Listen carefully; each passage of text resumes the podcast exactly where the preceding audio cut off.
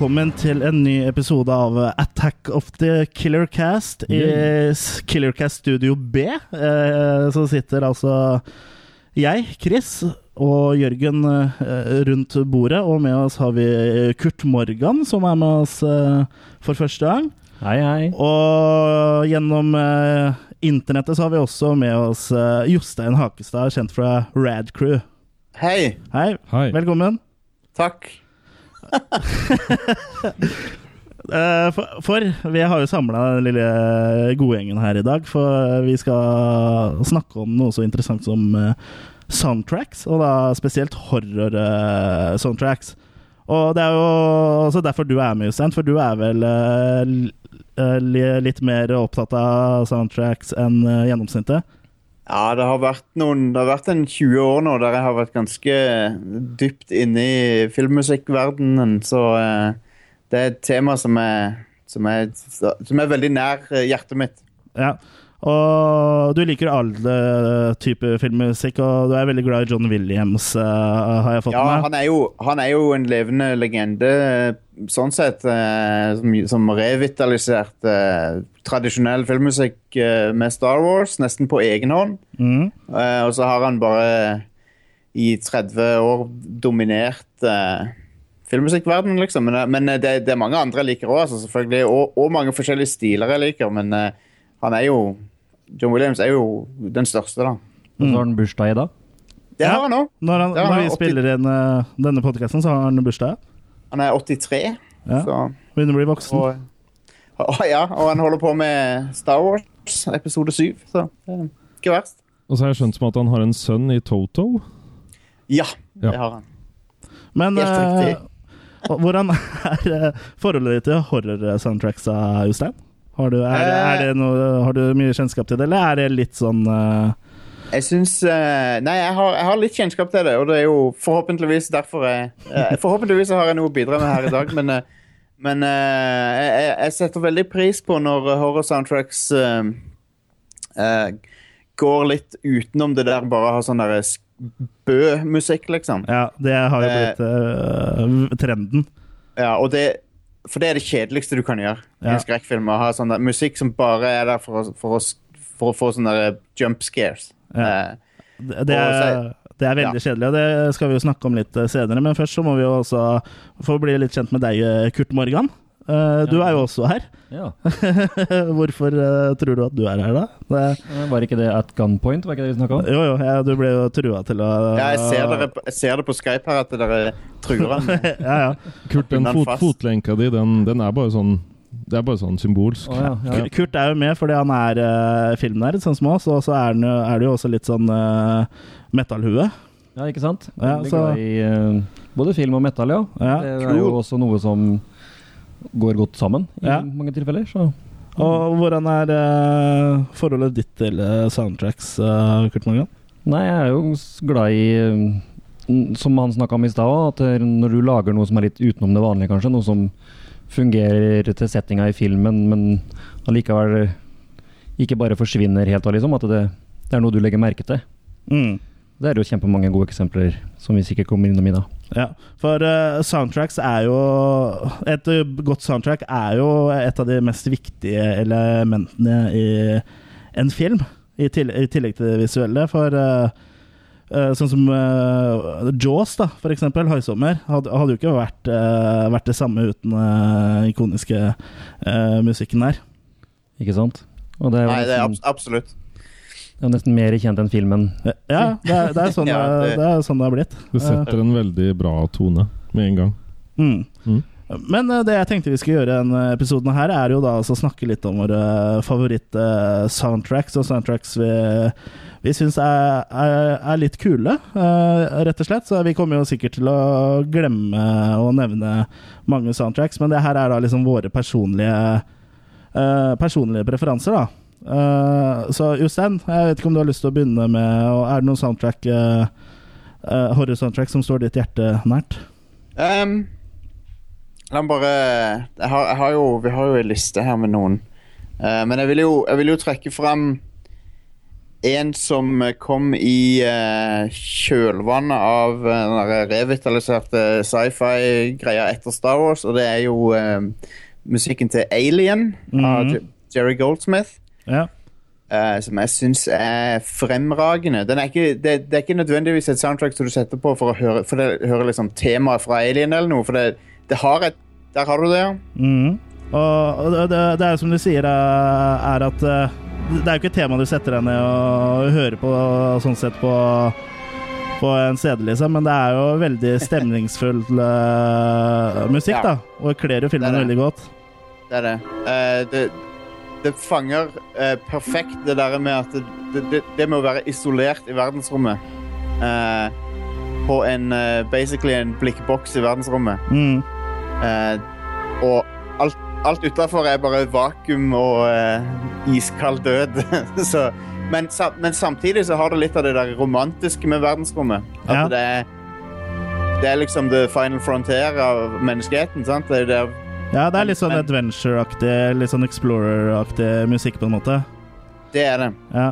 Så Det er det. Og det, det er veldig Altså, jeg syns det er et veldig uh, Det er et veldig intelligent skrevet soundtrack, og det er jo en del, det er jo en del sånn uh, musikk i i filmen der det er veldig horrorbasert òg. Der, han, der Jerry Goldsmith eksperimenterer med litt rare instrumenter og sånn. ja. Eh, blant annet i, i mange av scenene der Alien dukker opp, så er det en del sånne rare lyder som han, eh, som han inkorporerer i orkesteret. Mm. Uh, som er veldig stilig. Uh, og gjør det genuint skremmende, for det, er, det er noen lyder du ikke har hørt før.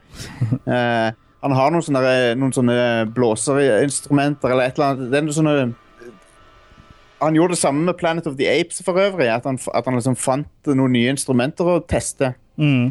Eh, som gjør at det er, sånn, det er litt unsettling, for at du har ikke hørt det før. Mm. Ja, Jerry Eh. Goldsmith har jo, han har jo stått for en del uh, horror-soundtracks, han. Eller Ja, han i hvert fall innafor uh, horrorsjangeren. Han har jo laga tema til Poltergeist, eller soundtrack der, da. Poltergeist, ja. Ja, og Eh, The Omen og Gremlins. eh, The Omen, for- Gremlins, ja. Han har laga mye mer horror enn det Ja, kollegaen eh, John Williams har gjort. Ja, det er Eh, han. han har jo bare Jaws omtrent. Det er vel nesten det eneste. ja jeg Eh. tror ikke det er så mye, mye mer eh, enn det, nei. Det er nok Jeg eh, ikke- bare High Summer. Hvis du teller Du kan kanskje telle Dracula-filmen fra 78, eller hva det er for noe, men eh, den, jeg vet ikke, den er vel kanskje ikke så horrorbasert. Nei, men eh, den er innafor, den, altså. Ja, nei, er kanskje det, ja. Ja, jeg, jeg vil si det. Hva, Ja. hva syns uh, dere, Jørgen og Kurt, om, uh, om Alien-soundtracket? Er det Ja, veldig stemningsfullt. Ja. Uh, Veldig- Ja, det funker helt klart, det. Mm. ja, mye av den samme stemninga er jo også i, tatt vare på Eller beholdt da i Alien Isolation, som Ja. er et TV-spill. Yes, der Ja. bruker de jo faktisk deler av musikken hans, Ja.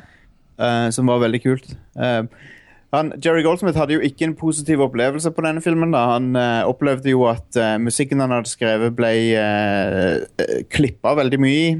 Å ja. Og, og var ikke fornøyd med resultatet. På spillet, eller på Nei, han er jo død for ti år siden, så han Ja. var ikke så involvert i spillet. ja, Det kan jo hende han kan komme litt tilbake. Og- ble så misfornøyd.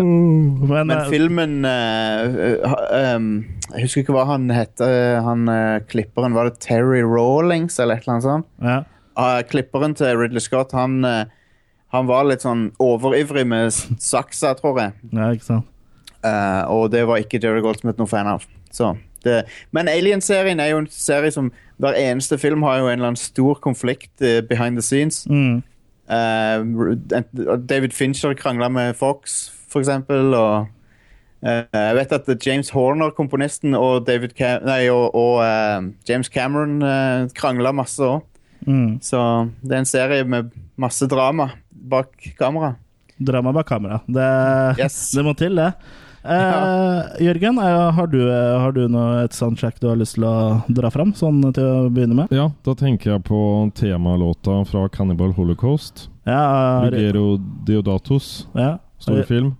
Riz Ortolani som har da komponert eh, den. Ja, det er da Riz Ortolani Mm. som har laget denne søte sangen, Mm. som står i stor kontrast til det som skjer i filmen. Ja, for det, jeg vet ikke hvor godt du kjenner til Cannibal Holocaust. Det er jo sen, har, du, har du sett den? Jeg har ikke sett filmen, nei. Men musikken er jo vidunderlig. Hø høres ut som en uh, piknik på, uh, på en gresseng eller noe. Ja, altså er det jo Det er det jo ikke. Det er jo folk som voldtar kannibaler og autentiske dyredrap og havskilpadder Ja, blir omtrent revet i stykker og sånn, så Så når, Du skulle ha meg på piknik eh, og høre på den låta, så var det det du hadde tenkt, altså? ja, ja. Ja. Men, ja dere har ikke vært på piknik med meg før.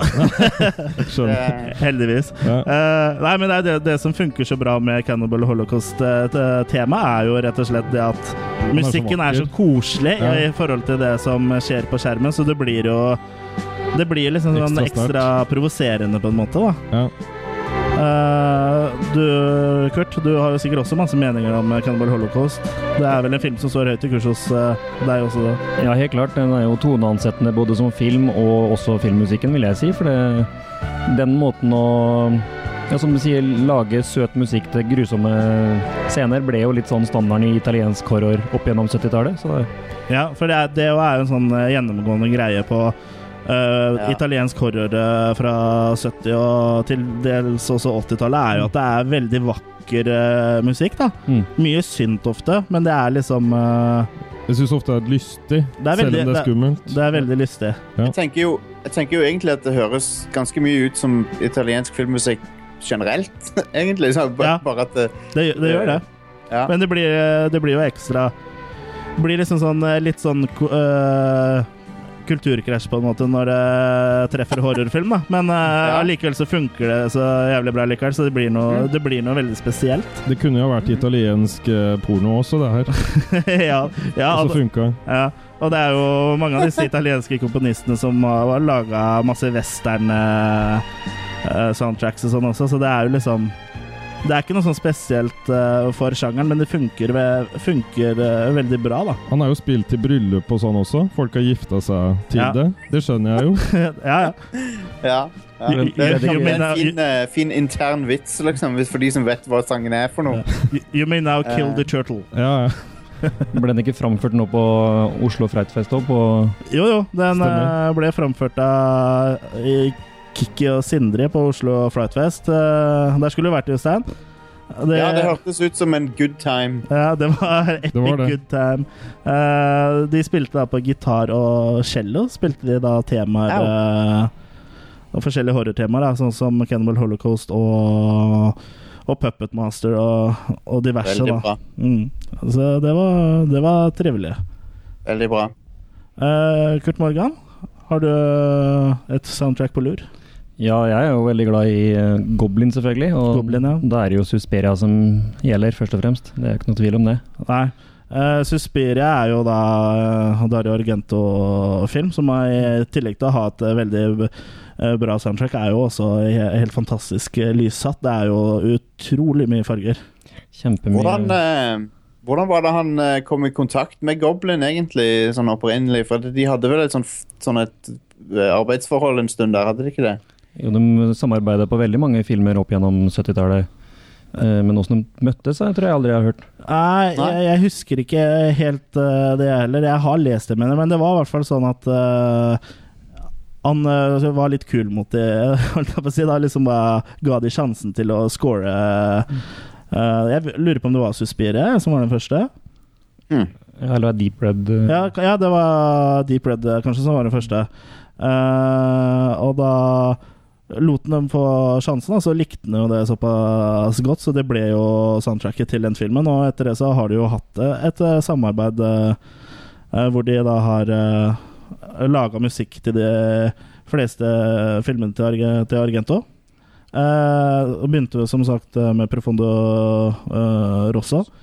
Og han har jo Goblin har jo også laga soundtracket til den italienske eh, releasen av Dawn of the Dead av eh, Romero, hvor da Argento klippa sin egen versjon og kjørte på med litt italienske soundtrack. Stemmer. Ja, så det Den versjonen har ikke jeg fått sett, men eh, jeg har hørt musikken. Ja, ikke sant? Og Goblin var jo spilte i Oslo i fjor, i november? Desember? Som de spilte Ja, på stemmer det. Fikk du, fikk du vært der, eller? Jeg fikk ikke vært der, dessverre. Nei. Nå hører vi et lite utdrag av, eh, av Su- Suspiria-temaet her. Mm. Det, er- det er jo veldig effektivt, men enkelt Ja. soundtrack. Og med spesielle instrumenter igjen, som han snakka om i stad, og at det sånn Mm. danner en sånn veldig spesiell stemning. Mm. Og så bruker de jo temaet mye. Ja. Fordi det Ja. har vært Ja, det- det blir brukt ganske heftig gjennom hele filmen. Så Ja. veldig kraftig lyd, Ja, det er veldig kraftig lyd. som står i stil med de kraftige um, fargene. fargene. Og, Ja. Også det visuelle i hele tatt. Ja. Det er veldig mye visuelt. Det som er litt så artig med selve filmen, av Suspiria, er jo at det er, veldig, det er noen ganger musikken stopper veldig brått. Det er liksom ikke noe sånn uh, godfade. Det er liksom bare sånn Det er kutte scenen, det er kutte musikken. Jeg vet ikke om det er eh, bevisst, eller om det bare ble sånn, men eh, jeg syns faktisk det funker litt, ja. Klipperen hadde sånn trial-versjon, så han, han hadde ikke fade. Han hadde brukt opp fades der, liksom. Ja. ja. det er en utrolig min, eh, minneverdig sound. Ja. Og den her rare Den, den tromma sånn bong der òg er jo Ja. Hadde jeg gått gjennom skogen og begynt å høre det her, så hadde jeg gått fortere og fortere. Hadde det? Ja. Ja. Jeg syns ikke det hadde vært noe trivelig. Nei. Det er ganske spooky sound, ja. Ja, så her er jo da et eksempel på eh, italiensk uh, filmmusikk som faktisk er skummelt. Men her er det jo ikke en komponist som har laga, det er jo et italiensk uh, progrockband. Men uh, Mm. jeg må si at uh, Suspiria-temaet er en av mine favoritter også blant eh, eh, Blant de italienske uh, filmene. da. ja. Det er veldig stilig. Ja, det er det. Argento var jo generelt flink til å hente inn ting som fungerte. Om man ikke brukte komponister til å lage scores, så hadde han jo også soundtracks med band, da, med ting som fungerte veldig godt i, Mm. i filmene sine, i de scenene. Han scorer Altså, det- bra. Det hender jo at regissører eh, oppsøker et, eh, en populær eh, popartist eller et band eller noe og lager musikk, Eh, det, og det kan eh, det kan eh, slå veldig feil, men, eh, men eh, i dette tilfellet så har han jo tydeligvis eh, klart å, sammen med det bandet, lage noe skikkelig minneverdig. da. Så, Mm. Og ikke, altså ikke nok med bare den ene filmen, men over flere filmer. Så. Mm. Og senere så brukte han jo Keith Emerson fra Emerson Lake and Palmer til å lage musikken til Inferno, blant annet. Så, Ah. Han er jo kjent fra synt, ja. mm. Ja.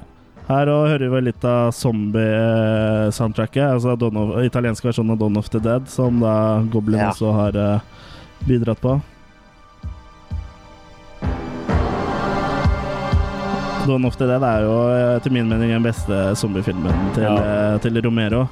Uh, jeg har veldig lyst til å få sett den it italienske klippen av da. Det fikser vi. Det fikser vi. uh, Det var når eh, zombier ennå var litt skumle. ja. Syns, det, syns de er brukt så mye i moderne popkultur at de har mista effekten. ja. Plant vs. Zombies. Ja, for eksempel. Folk tror ikke på zombie lenger. Nei.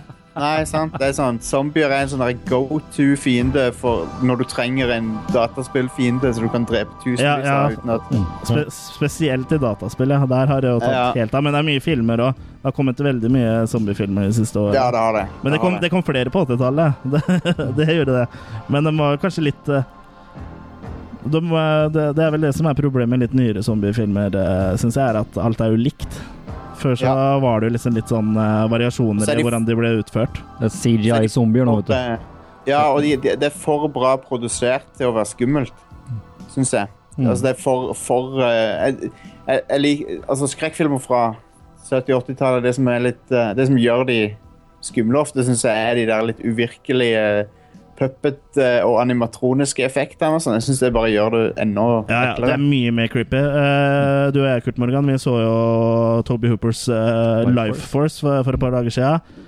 Og der òg er, er det jo en del sånn Det er ikke zombier, men de har jo blitt, uh, fått sugd ut life forcen sin, uh, bokstavelig talt. Og, og de Og de puppetsene der, de er jo De er creepy, altså. De er jævlig bra laga. Men musikken i Life Force er jo av Henry Manzini, som er han Ja. som har laga Pink, Pink Panther-tema. Ja, det, er det, rimelig spesielt valg eh, av komponist til den filmen. Men Ja. han, han, er jo, han var jo en veldig eh, en legendarisk komponist. Da. Ja, og det, det, det funker jo, da. eh, Musikken er i hvert fall. Han har jo, han har jo prøvd musikken er jo mye mer classy enn Enn filmen, filmen. ja. Ja. ja. Ja, han, har jo, prøvd, han har prøvd å tilpasse seg, så det ble jo ikke Rosa Panteren-tema på eh, det. Og Nei, kunne jo vært eh, veldig, veldig interessant. Men det er vel litt tilbake til Alien i stad, hvor toneansettende det det var. For eh, jeg syns vel at Life Force hadde henta musikalsk og inspirasjon fra Alien. Mye inspirasjon fra Alien de første eh, 20 minuttene. her, Ja, altså. ikke sant? Men helt opp til Interstellar òg. Musikken der er jo veldig spesiell, men du kan også Ja. høre ting fra Alien der. Det er tvil Det, er som en sånn alien med litt lavere budsjett eh, og med makis. med Makis. Ja. Makis må med. makis må med. Og da får du jo se, får du jo se stumpen til Ripley i Alien nå, altså. Det, så, det er ikke så gærent. Skal ikke kimse av det. Nei, enig. Enig, ja. Eh, det er jo mye annet italiensk òg. Jeg vet ikke om vi bare skal ta oss og prate, få prate oss gjennom eh, det italienske her først, ja, før vi går videre. Go Eh, for it. vi har jo f.eks. Ennio Morricone. Han er jo ganske kjent.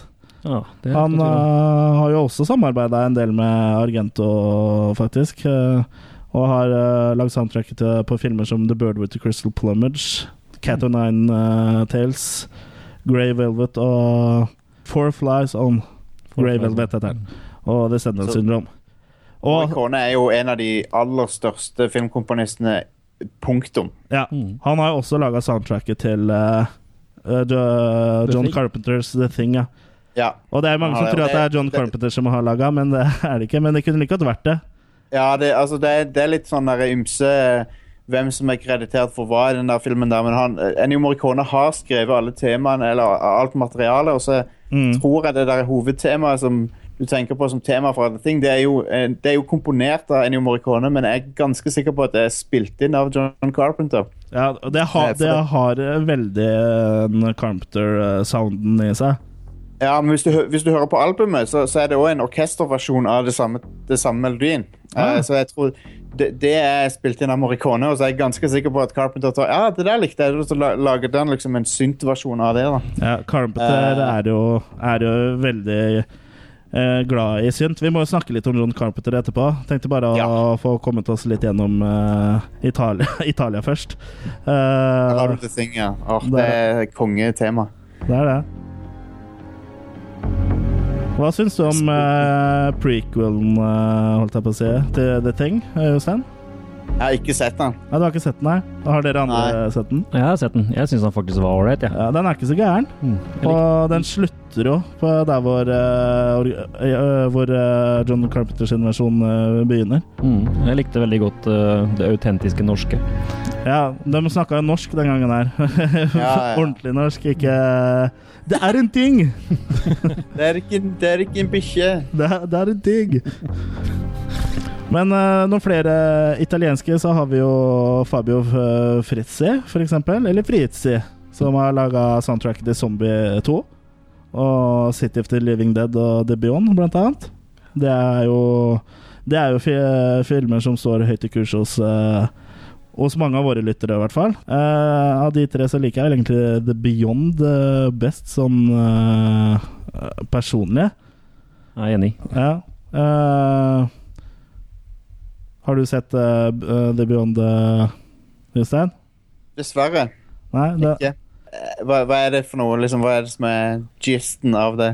ja, The Beyond er jo en, er en italiensk zombiefilm. eh, hvor det er, blir det noe sånn zombie-outbreak. All right. Ja, så skal vi Good- forklare good- Ja, det. så skal vi forklare. Good, good times. Det, det begynner jo i kjelleren på et sånt pensjonat. Ja, heter den ikke noe sånn Seven The Seven Jo, Doors of Hell ja, ja. Ja, det er un- undertittelen. Nice. Så det, det er liksom stemninga her også som er det beste. Og så er det en sånn creepy blind dame som er i filmen her, som har sånn De kaller det for milky eyes, da, for du ser liksom at det, ja. at det renner sånn melk inni øynene hennes, på en måte. Nei, no thanks. Her har du litt av musikken fra, da. Wow.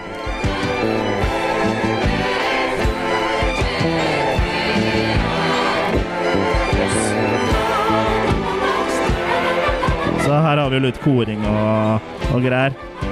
Men det, det er liksom altså, det, det er det som er det kuleste med de italienske horrorfilmene for den tida, er jo ja, rett og slett sound, soundtracket, syns jeg. Altså, det er, eh, Ja.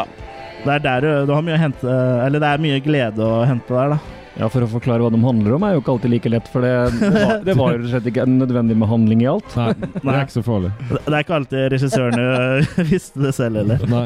Vi, vi har jo Bruno det Hack Mattei, blant annet. Han Går, går det bra? Ja. Ja.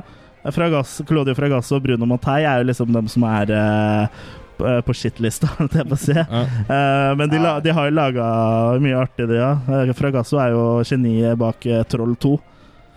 Som, som du sikkert har, har i hvert fall hørt om, om du ikke har sett. Filmen har jo fått en, den filmen har jo fått en renessanse på, Ja. på internett. Ja, og det har den. Og det er, vi har også laga vår, vår første podkast faktisk var jo om uh, Troll 1 da, og Troll 2.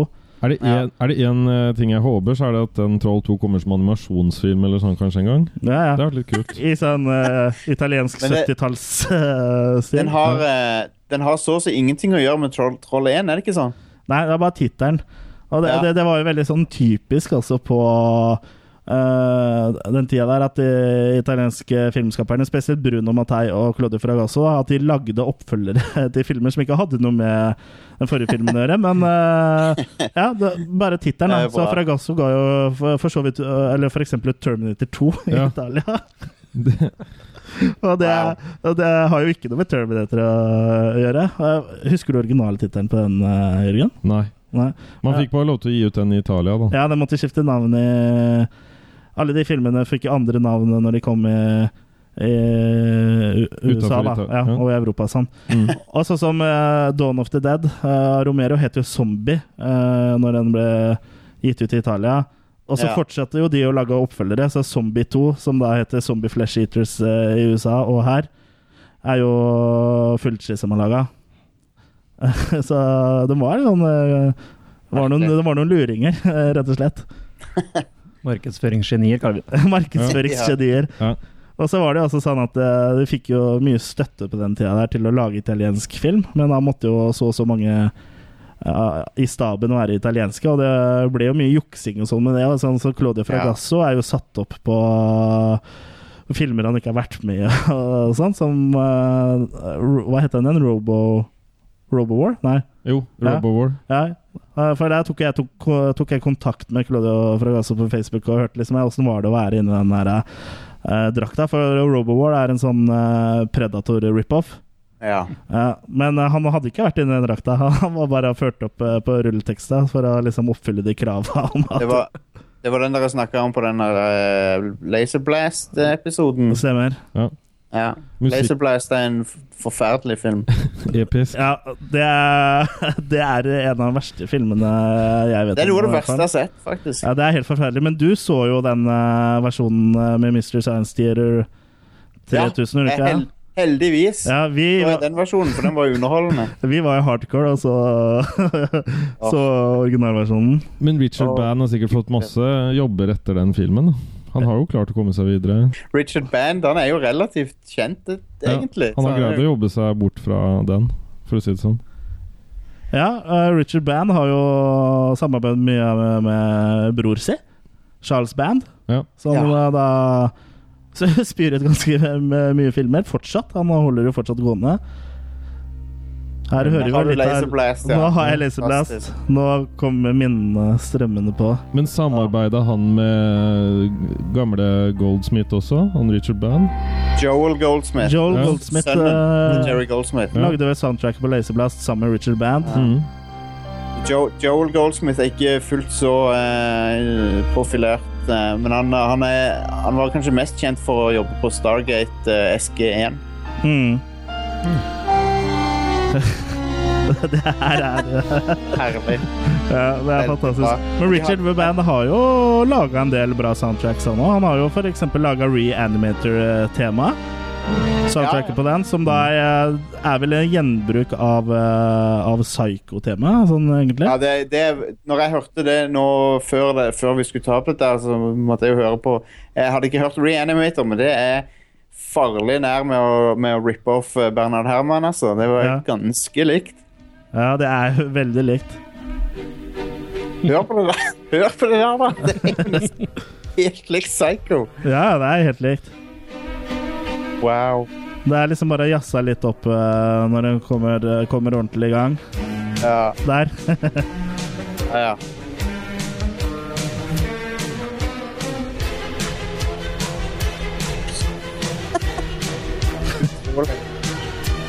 Men ja. Det er jo, det er jo rip-off, eh, det her. Men det er fortsatt et eh, ganske kult uh, tema, syns jeg, da. Ja, ja. Det er vel sikkert veldig uh, meninga òg, sikkert. Det er jo en Reanimator er jo på mange måter en slags hyllest til sin egen sjanger òg. Ja, det, det er jo det.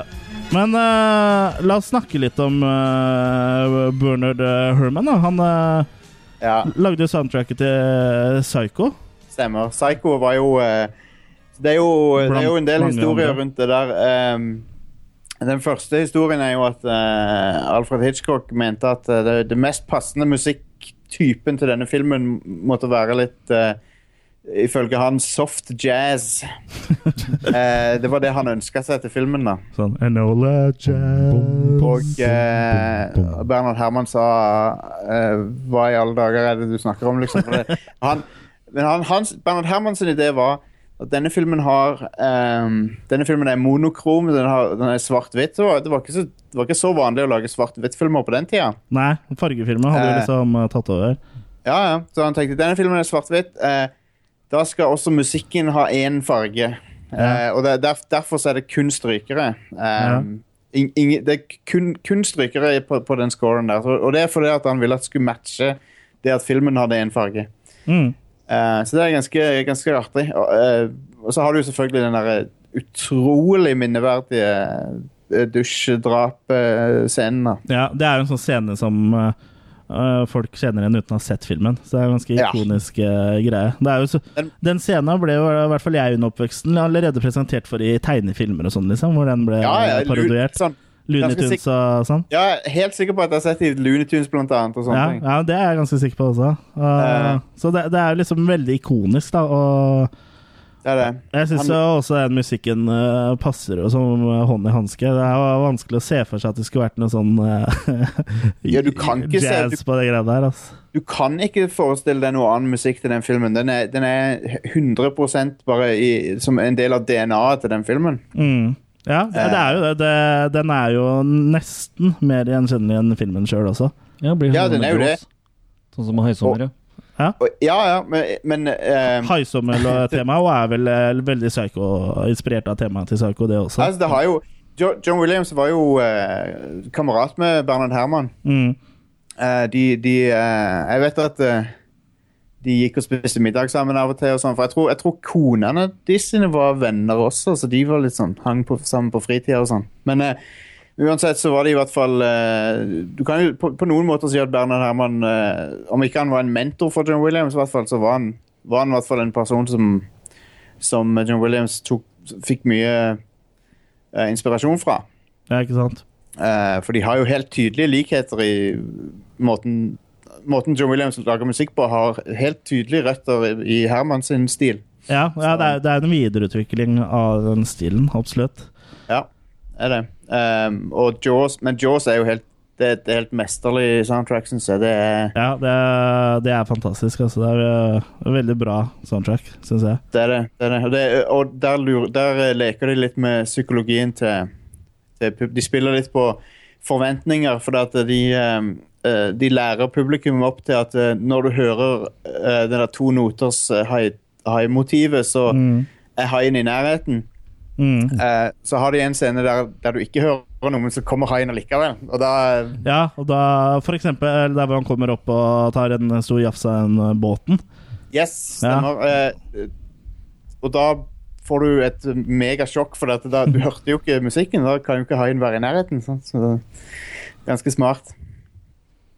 Ja, det er veldig, veldig god film. Altså. Der har du det, ja. Ja. Og to, to noter. ja. Det her tror jeg ikke var uh, originalversjonen, men uh. Det er rimelig stilig. Steven Spielberg trodde jo han eh, spøkte med en gang når han spilte det for han. ja, han gjorde det. Han spilte det på piano, liksom. Ja, da hørtes det sikkert litt uh, suslete ut. ja, for han hadde sett for seg noe helt annet, men så Det ble jo helt Ja, perfekt. ja jeg syns det er uh, Det er amazing, altså. Ja. Men uh, dere, uh, John Carpenter, Ja. han må vi snakke om. Ja. Han er jo en av, han er jo en av de mest kjente uh, skrekkomponistene Eller som har komponert musikk til horrorfilmer, da. Og han har jo mange ikoniske soundtrack, som Halloween Mm. Og mm. The Fog og The Thing, som vi spilte eh, i stad. Uh, det, går mye, det går jo mye synt. Og du, du er jo en syntelsker, du, Jørgen. Ja, jeg Så John har- Carpenter er vel en som er, du har trykka til inn i Markus? Jeg må jo si at det er ting jeg enda ikke har oppdaga der. Fordi jeg ble jo tipsa i forbindelse med podkasten her om den Lost Teams Ja. som han har gitt ut. Ja. Og det er jo ting ikke som nødvendigvis har blitt brukt i filmene. Nei, den er, Men, det, er han, eh, er- det er bare han Ja, komponerte for å gi det ut. Ja, så jeg må jo si at det er fortsatt ting jeg uh, mange har til gode å oppleve der, da. Ja. Ellers så, så liker jeg på en måte stilen hans og Ja, det han, det han gjør. Ja. Selv om man assosierer ikke han med noe sånn typisk synt sånn, men uh, ja. Jeg syns, uh, syns det er bra det han lager, da. Ja, altså Jeg også ser han veldig med synt, for alle soundtrackene hans er jo veldig Veldig synt-tunge. Men eh, han, han, er en av, han er en av mine favoritter, altså, for jeg bare syns sånn som halloween-temaet er jo Det er jo helt fantastisk, syns jeg. Mm. ja. Det er jo kanskje det mest minneverdige hans halloween, da. Mm. Ja, det er nok den som er uh, Som uh, står, står tilbake som en klassiker, da, som aldri kommer til å, å forsvinne. Jep. Åssen er forholdet ditt til eh, eh, John Carpenter, Kurt? Jo, jeg liker det så veldig, veldig godt. eh, Og han er jo, lager jo til nesten alle sine filmer òg. Ja, for han, er, han liker å lage soundtracksa sjøl. Ja, men også er det litt sånn tilfeldig, for det var jo egentlig det at, det, det at man bruker synt, da, er det at han hadde rett og slett ikke råd til å ansette masse musikere, så han gjorde det på en måte alt sjøl, bare. Ja. Så, og da blei det det verktøyet som ble brukt, ikke sant? Det var det han kunne spille. Så da Ja. Han slår meg som en veldig uh, instinktiv eh, komponist. At han, uh, at han set, setter seg ned med keyboardet og så um, eksperimenterer. mm. Ja. Eh, så han, at liksom han, han kommer fram til det mens han holder på, på en måte. Det, Mm.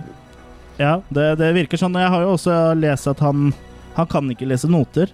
nei, Han kan ikke skrive musikk, så han setter seg bare ned og spiller, han. Mm. Så, det kunne, jeg- det kunne jeg gjette meg fram til.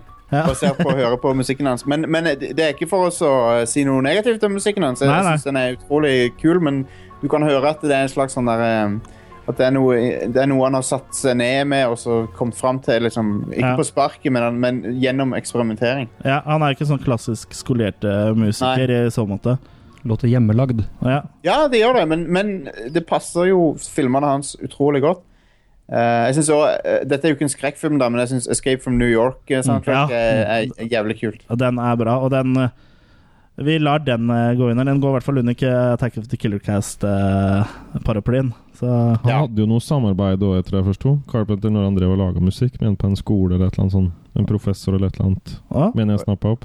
ja, det har ja. jeg men- men- det- ja, han hadde en buddy. jeg- Professor jeg må Henry jeg kan finne navnet på han som han ofte jobber med. Ja. Ja. Eh, men dere må gjerne bare snakke imens. De var Ja. gjerne på spa og tok badstue sammen og sånt. Så Men har du, fått, har du fått hørt noe på Lost Teams? Som det, det var Ja. jeg som tipsa deg om det. ja, jeg hørte på den med Vortex og Ja, det, har du hørt noe på det nye albumet hans? Nei, jeg har ikke det, for det er jo helt nytt av det. Ja, det ligger på Spotify og iTunes og sånt nå, så det Veldig sånn fint litt, og, når du kryper under pleddet og skal ligge og sove og høre på det her, altså.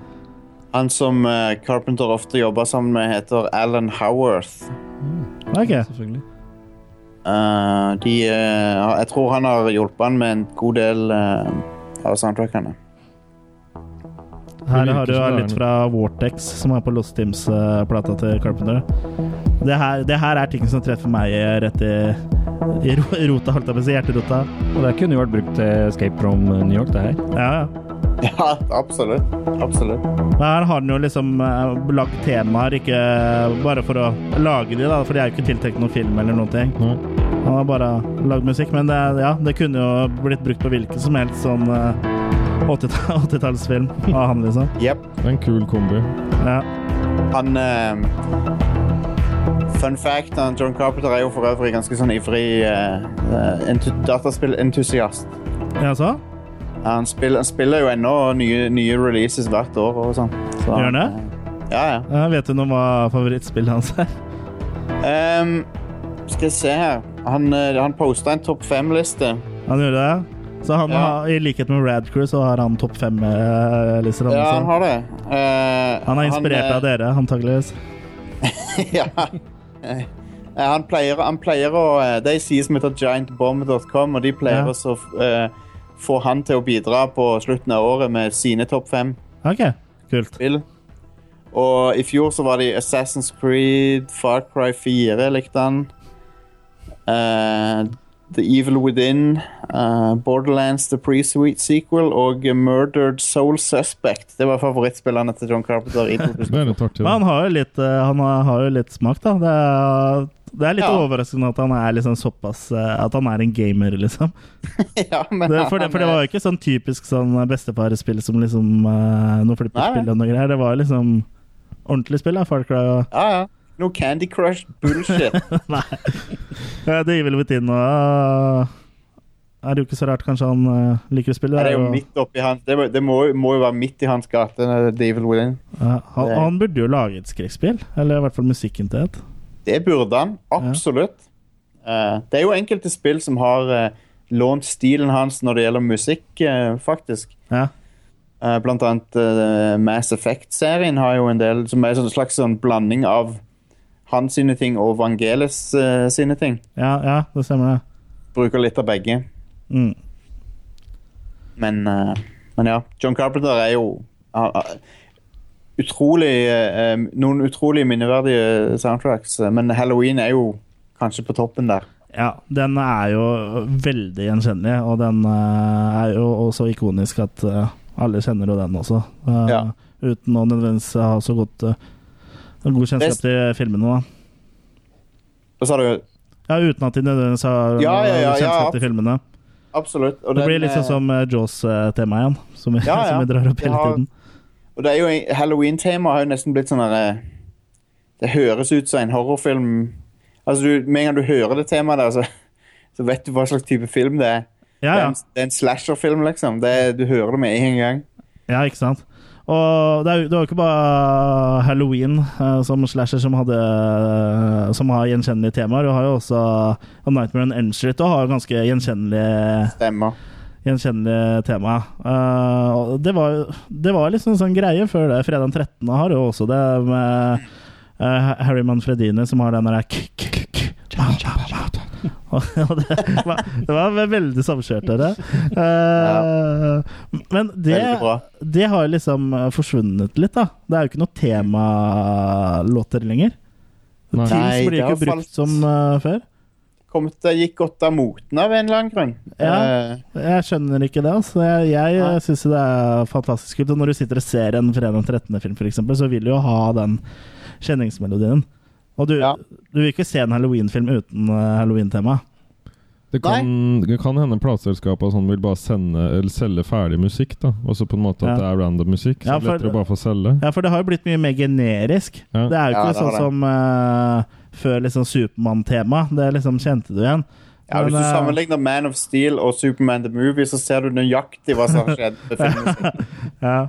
Ja. Eh, Og så, så, så, James Bond òg. Den forrige James Bond-låta har vel knapt eh, eh, denne James Bond-låta i seg. ja, den har bare hint til det, ja. Ja, hint, og så kommer den på rulleteksten. Det, Ja. jeg syns det er synd. Tenk deg Indiana Jones uten indie-låta. Ja, og ja det, det, det kan bli en realitet. Ja, det kan det faktisk fort bli. Dessverre. Ja.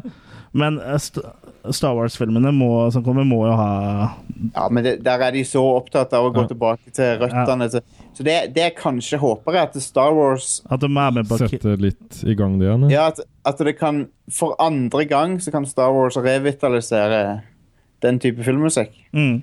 Ja, det hadde vært kult. Sånn som de sist gjorde med episode 1 til 3. ja, nei, jeg mente, jeg mente jo i 1977, da. Ja, jeg tror jeg skjønte det. Ja. Men jeg, jeg savner temaer, altså. Så liksom Nei, ja. eh, Hvis jeg liksom sier til deg, da, Jostein, kan ikke du nynne litt på Captain America-temaet? så greier du Ja, ikke det. Eller uh, så kjenne melodien. Ja. Ja, Mar Marvel-filmene er jo ganske sånn Når det gjelder musikk De har veldig wasted opportunity, vil jeg si. For det er, det er jo nesten ikke noe du kan huske fra dem. Nei, og Captain America skriker jo etter å ha en uh, Ja, svulstig temalåt, liksom. Fikk jo, fikk jo til og med Alan Silvestri til å gjøre den første filmen, og, som er komponisten bak Back to the Future. Mm. Burde ikke være men- noe men- problem. Men det er ikke hans feil, for de, det er liksom, de vil ikke ha tema. Regissørene eller produsentene eller whoever, de vil ikke ha det. De Så skjønner det er det som er problemet. De skjønner ingenting. vet du. Eh, så.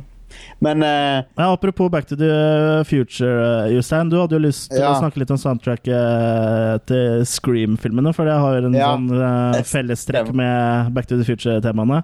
Ja, det har det. Eh, og ikke i den forstand at det har et sånt veldig nynnbart tema, eller noe, men, men eh, approachen er ganske lik der. For det, eh, det, det som skjedde med Back to the Future, var at det er en, en sånn small town setting, og egentlig ikke så mye med den filmen som skriker at det er en high budget eh, storfilm. Så det, det de tenkte, var at vi trenger noe skikkelig stor musikk eh, for å få filmen til å virke større enn den er. Eh, det er egentlig det samme de gjorde i Scream. da, at de en relativt nykommer eh, som heter, heter Marco Beltrami, som eh, fikk jobben til å lage musikken til Scream, og fikk et relativt stort orkester til å gjøre det med. og eh, De tar og liksom blåser opp eh, soundtracket ganske mye, nesten til sånn Mm. Høres nesten ut som noe fra en opera eller noe. Veldig stor orkestermusikk. Ja, for eh, alt skjer jo på et ganske lite område, akkurat som i Back to the Future. Så skjer jo alt på, i Hill Valley, liksom. På, en sånn, eh, på et torv, omtrent. Det er liksom de- eh, tre filmer.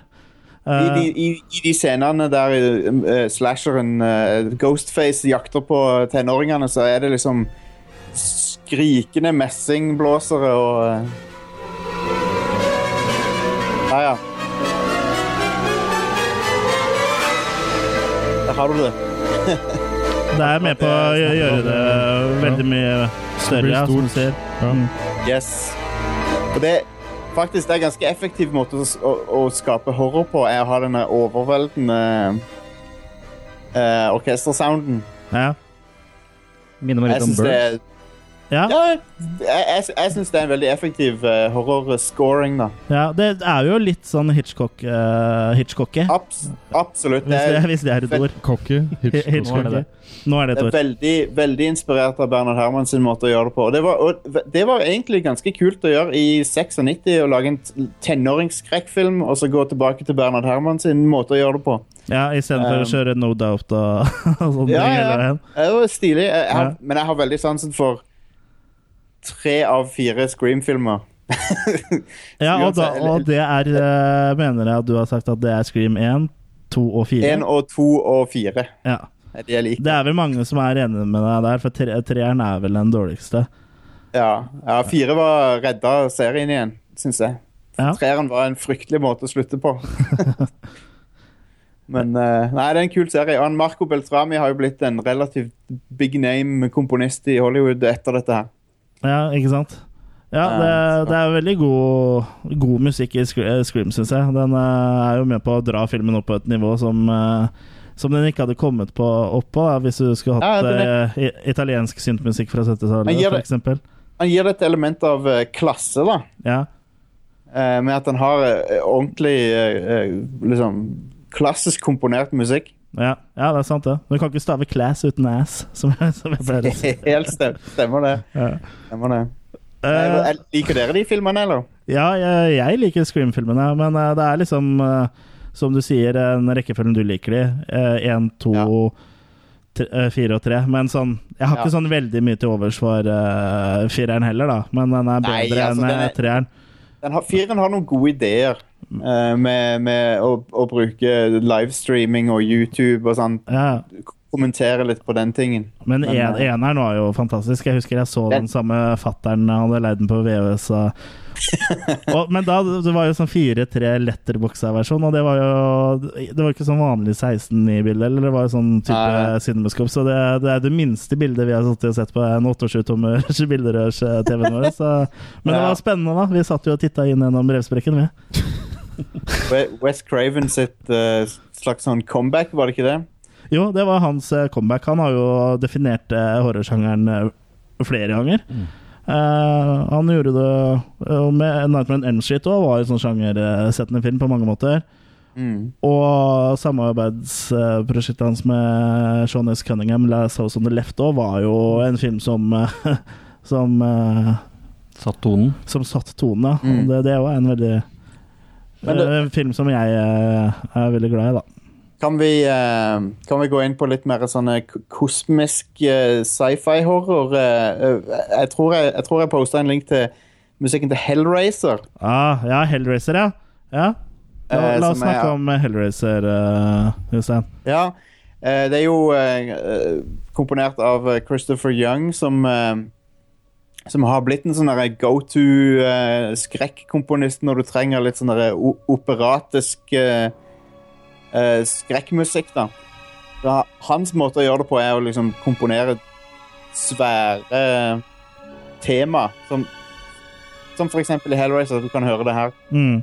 Um, som, han har veldig teatralsk, da. Ja, det er ve veldig Veldig teatralsk. Det er, Hellraiser også er, er veldig bra filmer, syns jeg. Og der er musikken med en veldig viktig del av å liksom Ja, gjøre bare hør på, hør på det som kommer nå. Det er jo helt fantastisk. Skikkelig ekte. Ja. Det er jo også litt med på å gjøre det litt større enn det det er, for det Spesielt første Hellraiser er jo Det er, foregår på et ganske begrensa område og mye trange ganger Ja, ja. og sånn. Eh, Pinhead tar jo turen ut i verdensrommet etter hvert, men da blir det litt annerledes. Jeg husker ikke hvilken det var. det Hellraiser uh, fire? Ja, jeg husker ikke helt det. Det passer Det er en, det er en musikkstil som passer godt til den derre surrealistiske greia som Hellraiser er. Mm. Uh, det er liksom det, Ja, det, jeg vet ikke helt hvordan de kom på å ha den type musikk i, i det universet der, men det matcher veldig godt, syns jeg. Bildet, bildet i filmen er veldig hva skal jeg kalle det, skittent, på en måte. Veldig sånn um, møkkete, på en måte. Og så kommer den Ja. bombastiske, storslagne musikken der, og det er kontraster. Ja, det er ganske stilig. Uh, Christopher Young er jo blitt uh, ganske stor. uh, han lagde jo musikken til Spiderman 3 for, for øvrig, den der som alle hater. Um, men han, han, er, han er ganske anerkjent i Hollywood. Da. Ganske, han har fått, fått en del uh, gode jobber. Men uh, Jørgen, når det gjelder soundtracks, uh, horror-soundtracks, hva, er- hva er det skumleste soundtracket, syns du? Av det- av personlige preferanser, da. Jeg syns den Shining er ganske skummel, egentlig. Ja. Når du ser den samme filmen. Det er ikke så skummelt når du bare hører musikken, men når Nei. du ser Shining og hører det der dystre, mørke Ja. greiene, så syns jeg iallfall den er ganske sånn ubehagelig. Ja, de skal, de skal komplementere uh, hverandre. Og, Ja. og The Shining uh, leverer jo uh, på, på alle områder, uh, syns jeg i hvert fall. Per, personlig så syns jeg det ofte har en tendens til å bli creepy når man begynner å blande inn barnesang og sånn. Det er liksom Det er noe av det verste jeg, jeg veit, da. Og ja, Ikke sånn eh, barnesang eh, generelt, også, men sånn i, i horrortemaer, da. Det er Ja, ikke sånn at jeg går ut på verandaen her med hagla og skyter etter Skyter etter barneskolen som går forbi her. Jerry Goldsmith eh, gjorde jo det i uh, Poltergeist også. Ja, ja. Den Carol Anns-theme, som er hovedtema til Poltergeist. ja jeg har, uh, har den liggende her. Den, den ja. Det er jo creepy eh, som faen, vet du. Yes, jeg liker veldig godt denne her. Ja. Det skal komme en eh, remake av Poltergeist nå. Eh, har, har noen her sett traileren, eller? Jeg har sett traileren på nettet, ja. Ja, jeg så den. Det var Jeg vet ikke helt. Det, var, det kan jo bli OK, kanskje. Ja, det var liksom sånn at Oi, det, det ble nesten litt sånn overraska over at det her så jo ikke så ille ut. Mm. Ja. Men er det ikke snakk om at det skal bli en PG-film eller noe? Nesten barnefilm? Ja, men det er jo originalen nesten òg. Ja. Bortsett fra denne, er vel eh, det, ja. Bortsett fra det ansiktet som blir uh, skrella, og noen flere Og noen Ja. flere scener. Men altså, barn tå- tåler tydeligvis mer nå enn uh, en da. Ja, det er klart. ja. Eh, sant. vi, vi tålte jo originale Poltergeist òg, vi. Du var ikke så veldig gammel når du så den første gangen. du Morgan. Nei, jeg husker jeg så en I uh, dåpen din. Det gikk som sånn fredagsfilm på NRK. Ja, ja. Den gangen hadde jeg bare sånn liten reise-TV med sort-hvitt på rommet mitt. Så da så jeg Poltergeist første gang. Ja, Den blir ikke noe mindre skummel da. Nei, Men turte du å ta på TV-skjermen etterpå, da, eller? Nei, det husker jeg ikke. Det også la jeg merke til på traileren, er at uh, nå var det plass til mange flere hender i den eh, TV-skjermen. For, Widescreen. det- Ja, det er widescreen eh, 60-tommer. Som uh, I visse program i USA og sånn, så oppfordrer de jo til å ta på skjermen, men da er det liksom litt andre grunner. Ja, så for å bli heala Ja. Uh, Jesus. Ja. Et annet creepy tema som jeg syns, er uh, oh, hva heter den? Åssen skal jeg uttale det her? Krus- Christoph Komedas uh, 'Lullaby' fra Rosemary's Baby. Mm. Den nå er, syns jeg er creepy. Men de, de kan ligne litt på hverandre, Poltergeist-tema og Rosemary Baby. ja, Ja. de kan det. Det, det er likheter der. Absolutt. Absolutt. Det er den uh, barnekoringa som, uh, Er som det, friker ut meg. ass. er ikke det fra Tre nøtter til Askepott? Er, ikke den skummel, Det er eller? faktisk ganske likt. Det. Vi har, jo, vi har jo nevnt det tidligere, jeg tror det var i julespesialen vi nevnte det, eller om det var en annen episode, at, at 'Tre nøtter til Askepott' er jo nesten en trashfilm, sånn egentlig. Det er en sånn Ja. lavbudsjett uh, trashfilm. Men ja. eh, som barneting er skummelt. Det var faktisk en gang jeg hadde sett eh, Jeg husker ikke hvilken uh, film det var med, med sånn barnesang, for det er så veldig mye av det, men det var noe nyere, i hvert fall. Noe fra 2000-tallet. Og etter at jeg hadde sett ferdig den filmen og liksom gikk i leiligheten og rydda litt, og sånn, så begynte dattera mi å synge inni senga si, sånn i søvne. Sånn nesten. Da var det Litt ubehagelig. Ja, jeg skvatt litt til det, altså. Er det ikke Omen-tema òg? Er ikke det noe sånn barne...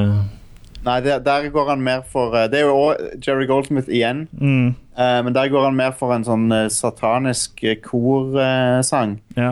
Det er kor, Som, men det er vel ikke barn. Mm. som har en satanisk tekst på latin, faktisk. Ja. Så de synger uh, Du må nok skippe litt uti det klippet, tror jeg. ja. For det begynner, det begynner rolig. Ja. Der har du det, ja.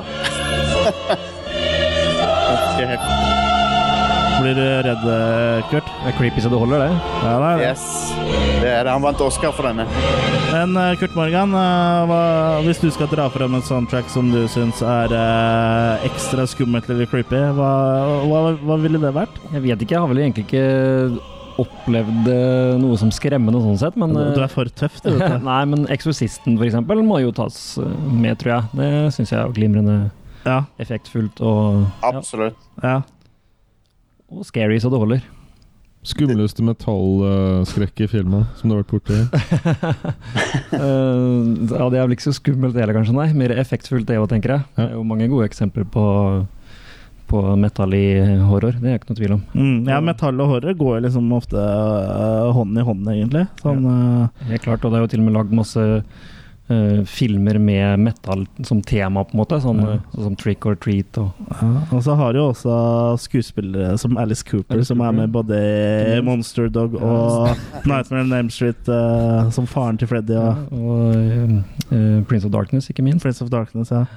Så har han jo også musikken med i Fredag den 13. 6, som Ja, mest kjente låta. Ja. Men om, ikke, Ah. om det ikke akkurat er metall, den der Kill Clowns from Outer Space Det temaet der er jo ganske rocka, i hvert fall. ja, la oss høre litt på Kill Clowns from Outer Space. Det er et ganske interessant tema. Ja.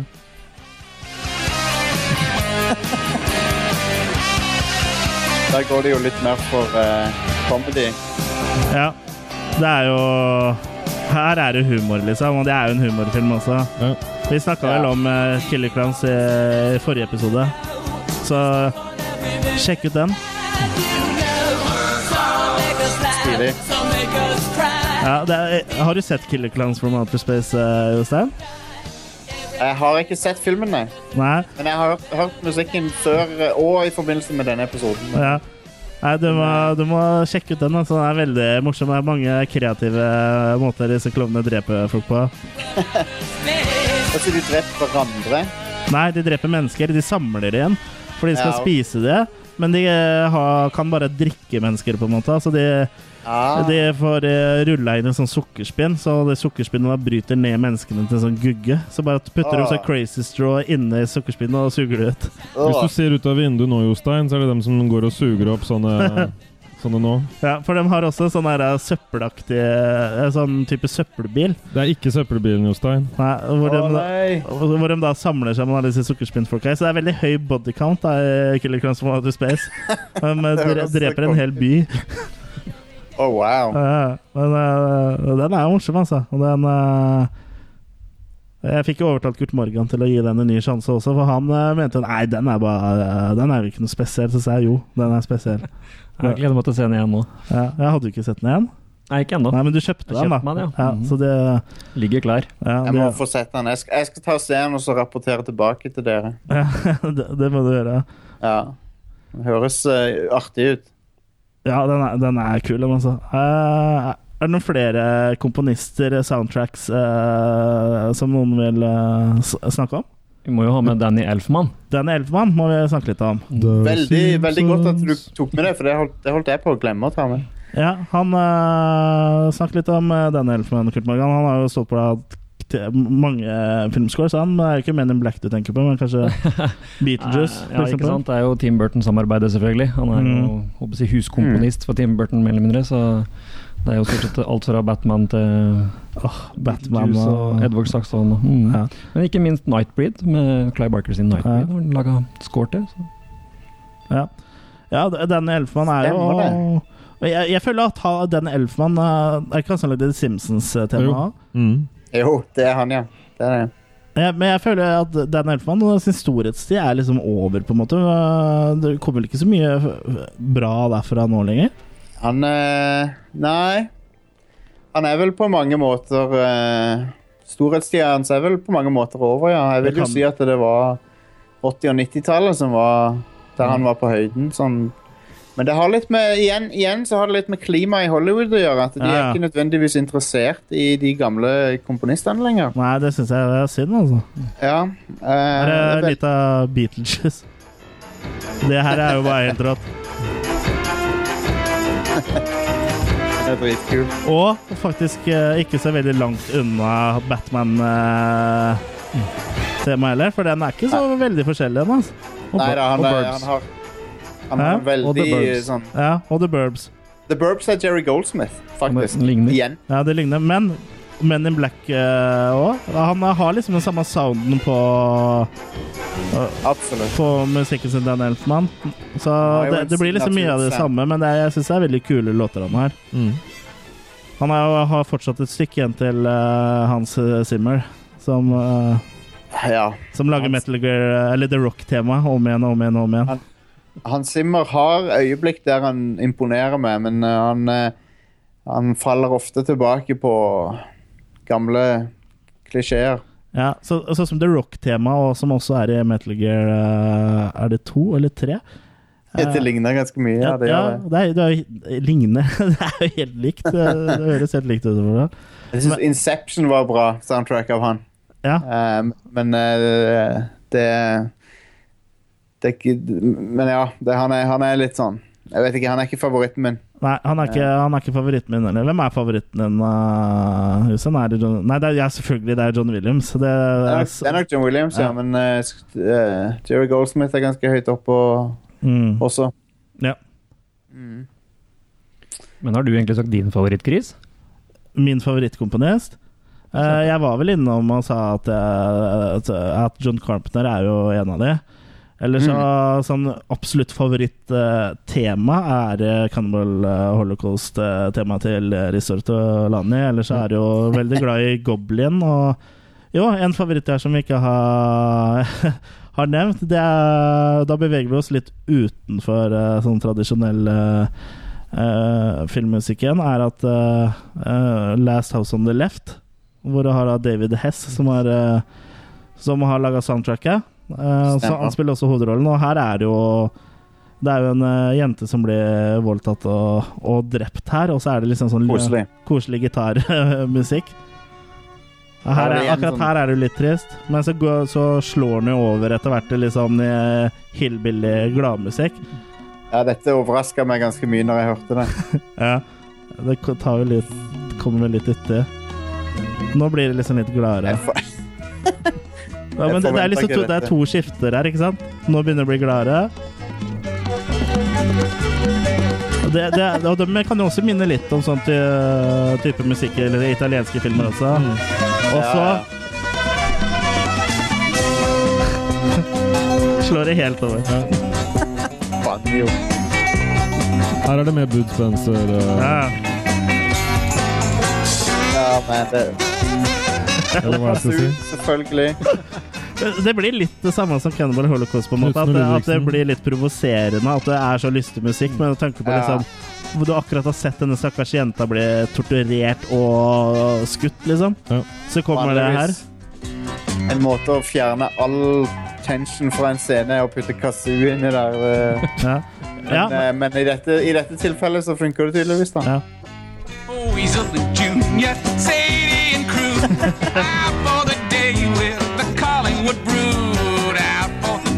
Nei, altså Det er jo en sånn bold move da å, å, å legge inn eh, det her i en sånn film, men nei, det, det funka jo veldig bra her. Da, for det, du blir jo litt, du blir litt småprovosert første gang du ser det. Bare De går jo for kontrasten, da. Så Ja, funker det er jo for, for sjokket, liksom. Men det kunne Ja. jo ha Det kunne jo ha feila veldig hardt og brutalt. Det kunne det. det, Men, kunne det. Det gjorde det ikke. Eh, det funker. Det er, jo surrealistisk som faen. Ja, det er veldig surrealistisk. David Hess er, er jo død, han eh, som spiller hovedrollen.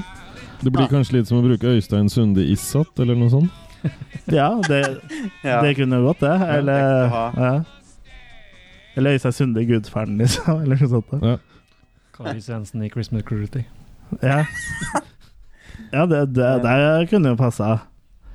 Eh, men uh, er, det noe, er det noen flere som har noe på blokka? The Wicker Man. Ja, der er vi jo litt inne på noe av det uh, samme som i Last House on the Left. Eh, Her òg er det jo veldig glad Lystig. og lystig musikk. Mm. Eh, ja. Det er en slags ish. Du, du tenker på du, Nå tenker du på den Originalen. versjonen med Ja, ok. Du tenker ikke på Nicholas Cage? eh, Jeg vet Jostein den brenner veldig for den som ikke er originalen, men eh, Not the bees. Har, har ikke dere sånn kommentator uh, rad-track på den? Vi har ikke, lag, vi har ikke laga den om vi skal, men vi, vi skal. men vi har nok snakka om, om, Ja. om den filmen Ja. ved flere anledninger.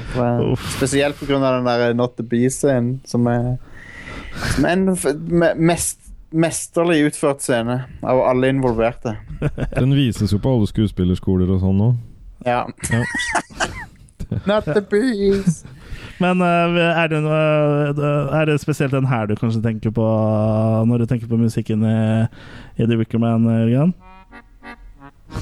Much has been said Ja, er, of eh, the strumpets of yore, of wenches and bawdy Det er herlig. Ja, men det, det er jo veldig og, og, The Wicker Man har, er en veldig sånn surrealistisk uh, Det er en veldig surrealistisk setting med det som skjer der, og, og at alt er så lystig. Du blir jo blid av det her. Ja. Ja, det er jo kjempelystig. Og remaken er jo enda er, er jo surrealistisk av andre uh, grunner. En Kilkenny her nå, så Ja.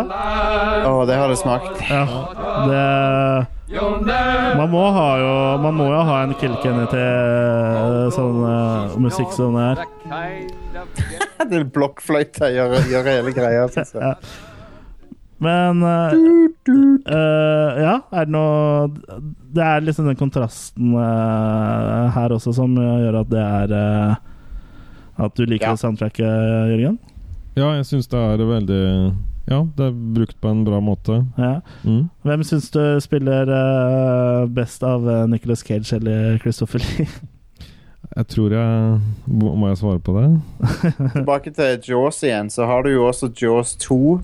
Som eh, John Williams også gjorde. Som sjelden, eh, sjelden greie at han Av og til så gjør han en oppfølger. Mm, ja.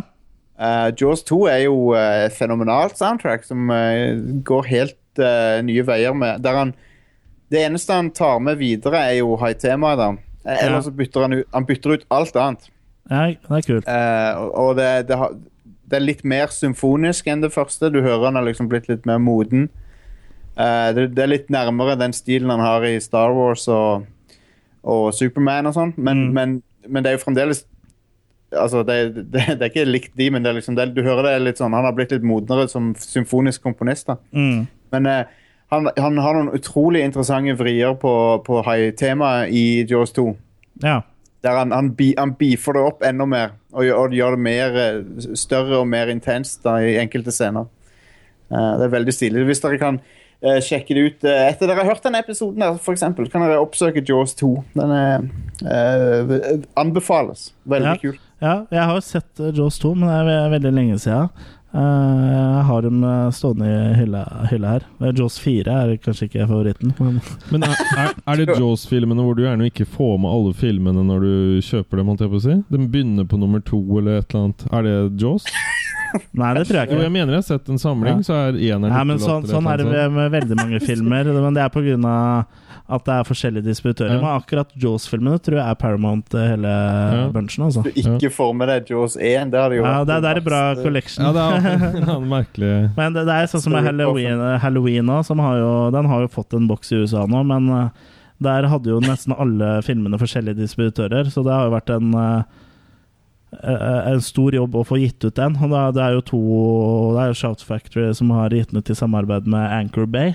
De har Ja. greid å liksom eh, få tak i alle lisensene sånn eh, de imellom, da. De sitter på eh, De har jo noen eh, hver og fått gitt ut den boksen eh, i USA, da. men den kommer jo aldri til å komme hit. For, eh, eh, for originalfilmene har jo som sagt like mange distributører som det er filmer, og så er det Ja. norske distributører og svenske og danske i tillegg, så de, den må nok importeres om du har lyst på alle Halloween-filmene. Ja. Så dere den eh, dere, Jeg regner med dere har sett den der Jurassic World-traileren. Eh, det slår meg at den, den filmen virker som det er en slags sånn Det minner meg veldig om Jaws 3D. For, for det er jo sånn SeaWorld-setting og sånn. ja, ja, det er veldig eh, SeaWorld-setting. Så der, eh, hva er det som skjer, liksom? Har de, de, jeg fikk sånn Jaws 3D, vibra det med en gang. ja, og nå er parken åpen også. Ja, Men- ja det er jo Jeg syns Ja. også det er veldig rart at eh, CGI-en ser dårligere ut enn eh, den Ja, gjorde i 1993. den- det, det skjønner jeg ikke. Det er noen varsellamper med den filmen. Den der så jo CGI-en i originalen er jo veldig bra, men uh, de dinosaurene i Jurassic World-traileren, de ser spesielt den som hopper opp etter den fisken på SeaWorld-showet som du snakka om, det ser Ja. ikke bra ut, altså. Det er ikke Roger Corman som har vært ute og Ja, det er mulig, ja. Det hadde vært konge. Når du får Roger Corman til å lage Jurassic eh, Park-film, det hadde vært sjef. Ja, det er jo neste Nå har ikke skal jeg ikke forhåndsdømme Jurassic World, men eh, det kunne hende det kunne vært like greit. At det kanskje hadde blitt litt bedre. ja, kanskje. I hvert fall ikke noe dårligere. Men jeg kom på det bare pga. Jaws, for dette, den traileren fikk meg til å tenke på Jaws eh, 3D. Ja, what a movie. Eh, fantastisk. Men Jaws 4 The Revenge er vel kanskje verre. Ja, den er det, altså. Og så tror jeg det vært hvis Corman hadde lagd eh, Indiana Jones uh, oh. Kingdom of the Crystal Skull.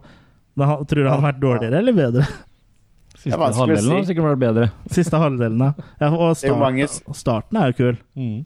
Hvis han fikk med de eh, krabbene og sånn, så kanskje Nå, nå har ikke jeg sett uh, Fantastic Four-filmen til Roger Corman, men jeg jeg har jo hørt folk si at den er bedre enn uh, Ja, enn de som storbudsjettsfilmene som er laga av Fantastic Four. ja, det er, man har- er vel sikkert bedre på altså, Har sine andre kvaliteter da enn eh, enn eh, de Ja, det- høybudsjettfilmene. Det er sikkert mye morsommere og mye mer ja, jeg tenker at det har i hvert fall hjertet på rett sted. da Ja, og det, det er viktig. Det jeg, tror jeg ikke er så mange av de storbudsjettfilmene som uh, uh, som har. Har dere hatt en egen Roger Corman-episode? Dere har vel kanskje ikke det ennå? Det er ikke en egen Roger Corman. Vi har jo Attack of the Monster Crabs ja, vi har noe snakka om Attack of the Crab Ja, Monsters. Det er vel eneste Corman foreløpig, men vi, vi, må jo, vi må jo ta mer. Ja. Uh, det, er mye, det er mye å ta av der. Men, men han, hvis du ser på hvor, hvor mange store Hollywood-navn som han har skapt, Ja, eh, som kommer fra han, liksom ja. Eh, James Cameron er jo en, og så har du komponisten J eh, James Horner. Kommer jo rett fra han. Ja. ja, det er gjerne sånn uh, med sånn der lavbudsjetting. Og Troma òg har jo fostra opp uh, mange kjente folk, de også. Billy Bob Thornton Den største, den største regissøren i fjor, eh, James Gunn Ja, ja. Ja, han har jo skrevet manus uh, og regissert Tromeo og Julie, blant annet. ja. Så ja, ja, de spyr, spyr jo spyr ut ting. Ja. Og Lloyd Kaufman sjøl var jo location eh, manager eh, Eller i hvert fall jobba med locations på Rocky. ja. Og i tillegg så ble Rocky klippa på flatbeden til, eh, til uh, Troma. Utrolig. Men nå, nå sklir vi litt ut, eh, ut Ja, av ja, men det- det soundtrack-greiene, men. Jeg bare det, det, må vi få lov til. ja, jeg bare tenkte vi bør ha med den Return of the Living Dead-musikken. Return of the Living Dead, ja. ja. Den, den er jo ganske Det er en, eh, det er en ganske fet uh, temalåt. Hva uh, Fortell litt om den, Jørgen. Ja, det er jo da på en måte en, en parodi på, på Night of the Living Dead. Ja, eller de, de tar i en litt annen, eh, annen retning da enn eh, Night of the Living Dead. De eh, så, tar jo liksom og gunner på med Det skal være litt mer morsomt og skummelt. Ja, her blir det litt mer sånn ja, overdrevet, dumt, morsomt type ting. Ja, jeg hører jo litt av låta bak. Monstrene blir litt mer morsomme enn de blir skumle. Ja, Det er også her eh, I hvert fall i moderne zombiefilmer, hvor eh, zombier snakka for første gang. Og sa Brains! Så Dette var kult. Ja, Ja, det er veldig Jeg kult. likte dette. Ja, du må uh, sjekke ut filmen, eh, Jostein. Ja, ja. Den er veldig bra. Det er, uh, den filmen her det kommer fra at zombier vil ha hjerner. Sånn i moderne sommerfilmhistorie, i hvert fall. Og her også så er det jo fra vignetten vår, da, til å begynne den melodilinja som går der. Den litt gjort om i, i vignettintroen. Ja, ja men Vignetten vår er jo inspirert av forskjellige Av forskjellige horrortemaer, blant annet Return of the Living Dead. Da. Ja. Og Halloween og Puppet Master er vel også, også inne der. Puppet Master òg må vi ikke glemme. Nei, Puppet Master eh, har vi jo heller ikke nevnt. Det er vel uh, Det er jo Richard Band Vi var vel innom Richard Band uh, i stad. Ja. Men vi, vi, sna snakka vel ikke så veldig mye om uh, selve uh, temaet. Har du sett noen av Puppet Master-filmene, du, eller uh, Jostein? Dessverre. Der kommer jeg til kort igjen. Eh, men men Richard Band kjenner jeg jo til, da, for jeg har jo hørt eh, mye av musikken hans utafor, selv om jeg ikke har sett filmen. Um, han, er jo, han er jo en dyktig komponist som, uh, som virker, det virker som han ofte blir satt til å kopiere ting fra større filmer. Ja, det, det, Um. det, det kan nok stemme. Det kan vi kjenne. Men, men uh, Ja, du kjenner det igjen? Eller hva så? Ja, men vi sier jo i hvert fall vi innrømmer det. Ja, ja vi, vi har jo Men det er jo også ganske ikonisk musikk, Ja, dette her. Vals. Ja, det er jo en vals.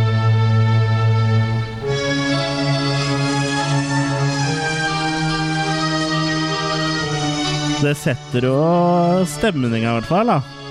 Og her er det jo sånn creepy tredukker og, og greier, så det er, det er skumle saker. Og jeg, Det var, det var jo stilig. ja, Og så er effektene ganske bra òg, de som blir drept og sånn. Ja skjer i, på en- i den første, i hvert fall. ja. Ja. For jeg, på Det finnes jo et par av Puppet. Master også er jo en filmserie som sklir ut litt etter hvert, eh, føler jeg. Vi- Hvis alt går etter planen, så skal jo vi eh, lage en episode hvor vi snakker om uh, Puppet Master-filmene, Jørgen. Vi skal ha en sånn megaslong. Ja, hvis vi greier Ja, å komme oss gjennom alle filmene i live. Ja.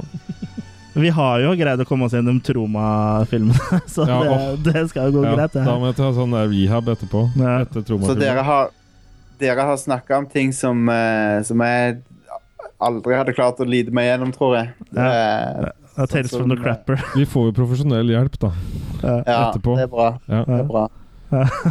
Eller vi får hjelp, da. Jeg, jeg vet ikke hvor profesjonell den eh, hjelpa er. Jeg liker, jeg, liker, jeg liker det at dere har en så relativt uh, rolig Sånn en eh, nyansert og, og balansert tilnærming til ting som, er, som andre ville bare spydd av, liksom. Det er Sånn, dere sitter og snakker helt sånn der Ja, ja. Liksom sånn play by play om ting som skjer i filmene, men det er jo nonsens mye av det dere har sett. Liksom. Ja, jeg føler er kanskje at eh, morsomt. Ja. det sier kanskje mye om oss. ja, vi har Det levd et hardt liv. Ja. Det er det jeg har likt med de episodene jeg har hørt av showet. er Liksom den der helt sånn nonsjalante diskusjonen. Altså. Ja. Jo, takk for det. det er, vi håper jo at enn så lenge at ikke eh, helsemyndighetene får høre på noen episoder, for da tror, jeg, da tror jeg det blir stopp. Da tror jeg vi blir henta. Ja.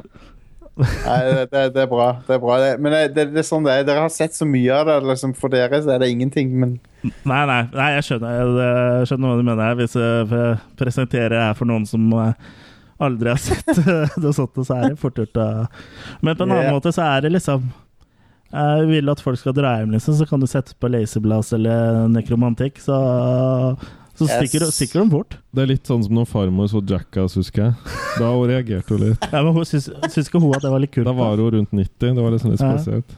ja. Ja. Da ville hun rett ut med 8 mm-kamera lage egen Jackass-versjon. Ja. Men uh, eh, Og så sk sklir ut, og er jo noe vi uh, har for vane å Ja, men det, eh, det er en del av Det- det er- ja. det. Ja, det er Du kan ikke ha en podkast hvor du ikke Hvor du ikke faller utpå litt, holdt jeg på å si. Helt enig. Men sånn uh, soundtrack-messig, har, vi, har vi noe mer vi vil uh, løfte fram og snakke litt om? Du har creep Creepshow, da. Ja. Creepshow, ja. Ja. ja. Den har Eh, ikke jeg sett, så jeg bare ser at jeg har den på lista. ja. Har du sett uh, Creepshow, uh, Kurt? Ja, begge filmene har jeg sett. Ja, det er jo to filmer. Det er, uh, Creepshow er jo sånn uh, antolo antologifilmer, er det det heter? Er- Var det riktig uttalt? Ja, noe sånt noe. Det er liksom uh, Episodefilmer. Ja, ja sånn, sånn som Twilight Zone The Movie. ja, det er liksom inspirert av sånn uh, tegneserieblader som, uh, hvor det hadde sånn fem historier i og sånn. da Sånn Tales from the Crypt og sånne ting. Ja, men Creepshow Ja. er jo um, Stephen King, vel? Ja, så Creepshow er jo skrevet av Stephen King. Han spiller også i, i Creepshow. Leslie Som en- Nielsen har ikke noe connection til Creepshow. Ja, han spiller i en av filmene her. Creepshow. Det, har dere sett den der eh, Channel 4-serien eh, Garth Marengis Dark Place? Jeg har ikke fått sett den ennå. Den har stått på lista mi i mange år. Ja, for det er jo Creepshow-parodi. Ja. Her er det jo litt av musikken fra Creepshow, da. Men Creepshow er jo egentlig en av de bedre antologi... Jeg liker dem veldig godt, egentlig. jeg. Begge to, egentlig òg. Ja, jeg har bare sett den uh, første. Den begynner ganske rolig, rolig så tror jeg den tar seg opp litt etter hvert.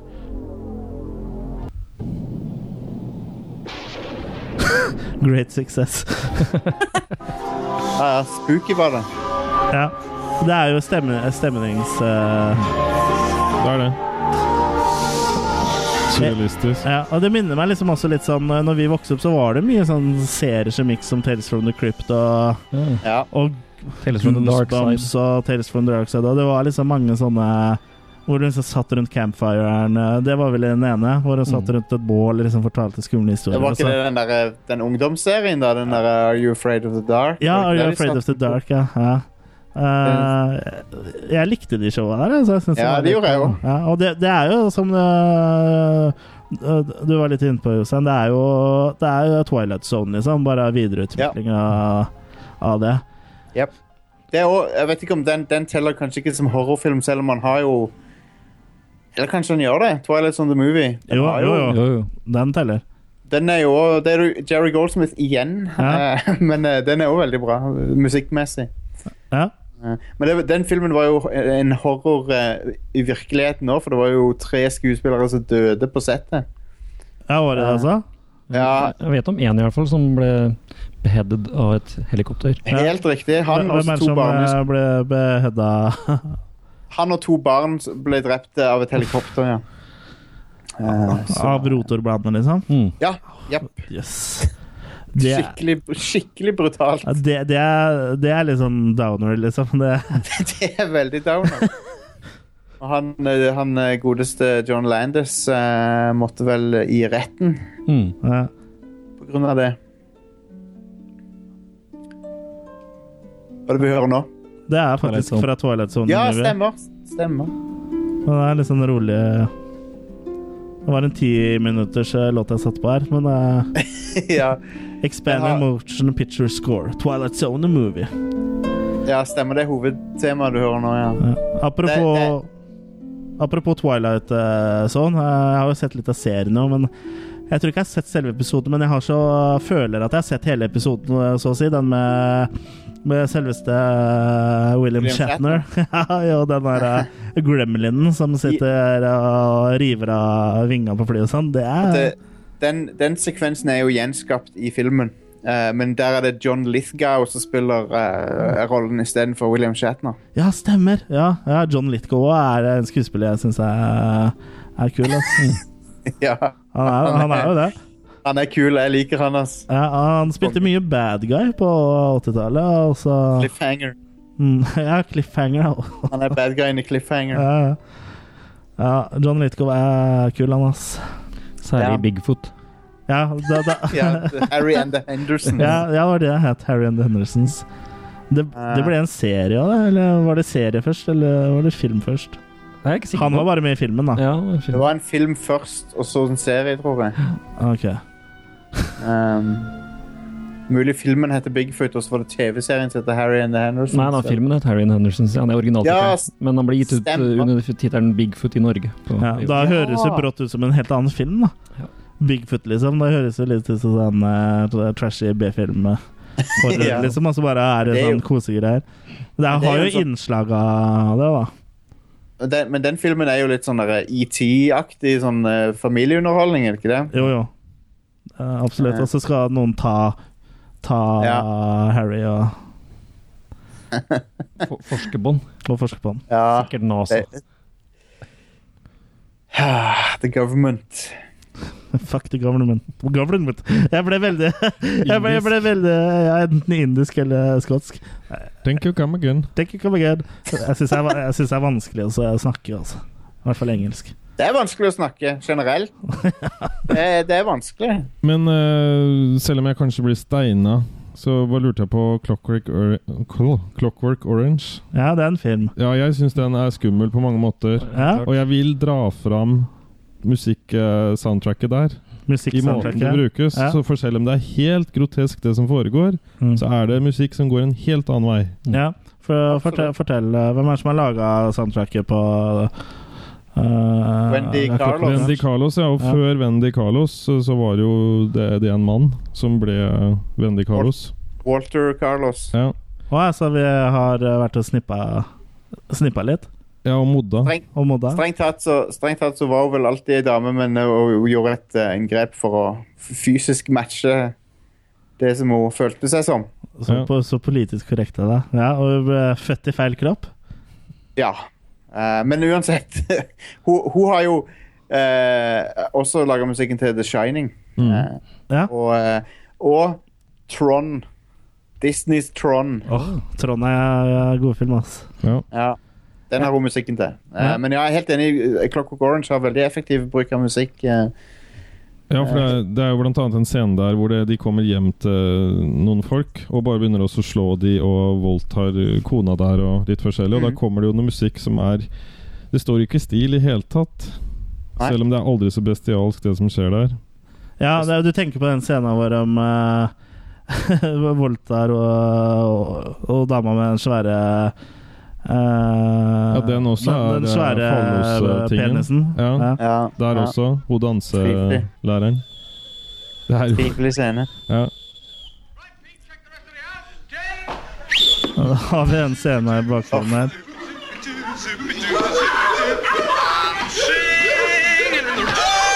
De står jo for litt musikk selv altså. Jo. Men likevel. Ja, Det er a cappella. Ja. ja, det stemmer det. det. Men eh, i introsekvensen av den filmen er også et veldig kult stykke musikk, syns jeg. Men hvis jeg ikke tar helt feil, så er veldig mye av musikken i filmen eh, synt-versjoner av klassisk musikk. Ja. Ja.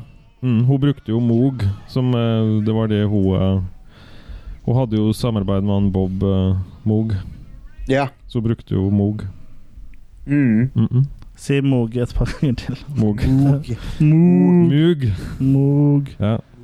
Uh, men sjekk ut Tron. Jeg tror Tron-soundtracket ligger på Spotify, faktisk. ja, det der, det er åpninga på Mm. Ja, den er utrolig stemningsfull. ja.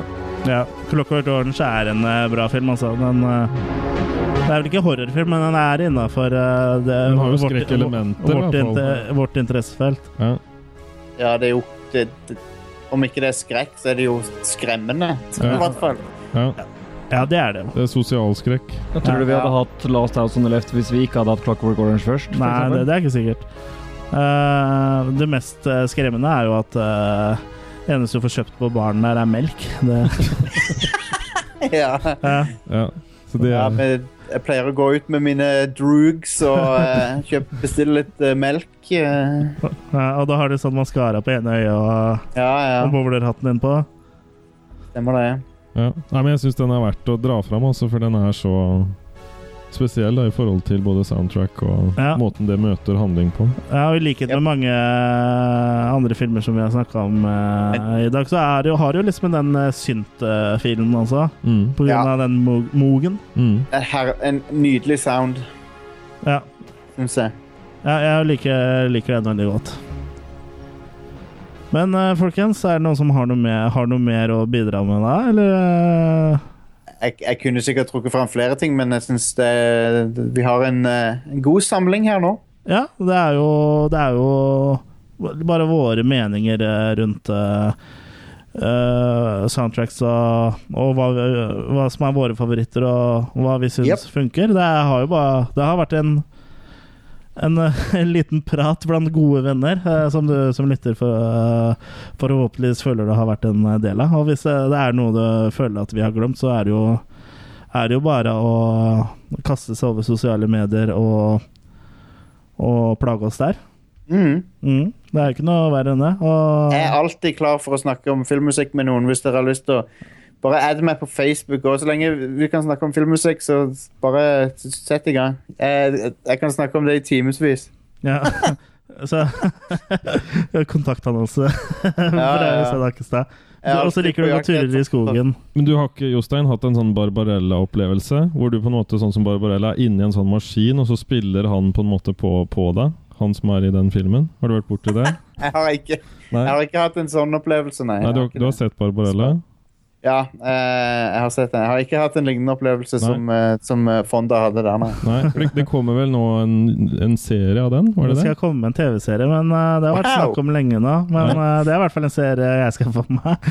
Bare- Håper de, for, håper de finner noen som er foxy nok, da. Ja, det Nei, er det blir mer Jane Fonda nå. ja. Ja. Ok. Det er Jane Fonda, så den filmen der du, du finner nesten ikke noe som er mer foxy enn nå. Altså. Nei. I den filmen der så stemmer det. Ja. Det gjør det. Så ja. Og med det, det, med det bildet i hodene, så er det vel bare å pakke sammen eh, Eh, frem til neste gang så må, må du, kjære lytter, huske på å følge oss uh, På Twitter. Ja, og på Facebook og Instagrams. Og sjekk også ut uh, radcrew.net, som er uh, uh, sida til uh, Jostein Hakestad og en eh, gjeng med gærninger fra Stavanger. Eh, checks out. Hvor du kan høre på podcaster som Eh, Rad Crew er jo den mest kjente. Det er jo den ukentlige spillpodcasten vår. Uh, men hvis dere hører på Attack of the Killer Cast, så er jo kanskje Rad Crew Neon et bra show å sjekke ut. For det er jo litt sånn TV og film og tegneserier og sånn. Ja, det hender at, uh, at det dipper litt over i noen av de samme temaene.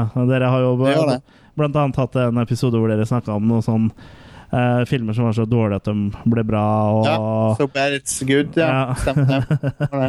Så, Eh, selv om der eh, vi, vi, nærmer, vi er ikke på langt nær så ute i, uh, ut i trash-landskapet som dere er, da. Nei, Eh, vi, vi, vi går uh, med søppel opp, i, opp til halsen. Vi bor i en container. Ja, vi bor i jeg container. tror den mest, mest trashy filmen vi snakka om der, var den der uh, Og den er, den er vel for så vidt trashy, da. Det er den der Silent Night, Deadly Night, eller et eller annet sånt. Det er den der Mm. Garbage Day-filmen. ja, det er vel Silent Night, Deadly Night uh, 2, er det ikke det? Jo, han duden som går roper garbage day! Det er bra. Ja, det er, eh, Anyway. det er en fantastisk uh, film. På, på, alle, på alle måter. Den burde egentlig løftes frem. Og, eh, kan, kan ikke du foreslå at den kan bli vist i det fine uh, konserthallen dere har i Stavanger, Jostein? Jo, det kan vise Silent Night, Deadly Night 2, ja. Det slår sikkert an. Vi er så symfoniorkester som sitter og spiller soundtracket ved siden av. Det er Dobbeltfeature med den og Laser Day. Laser, Laserblast. Som double feature. Laser Blast the Musical òg. Ja. Gleder jeg meg til. Ja. Det eh, hadde jeg faktisk gått og sett. Ja, det, det kunne jo ikke blitt Det hadde antageligvis blitt kulere enn filmen. Ja. Ja, men uh, da er vi tilbake vi om uh, en to ukers tid, så Stick I tillegg til å sjekke ut uh, sidene våre og Radcrew, så må du også sjekke ut uh, filmfront.no, som vi gis ut i, i samarbeid med. Så frem til neste gang, ha det bra! Ha det bra. Ha det.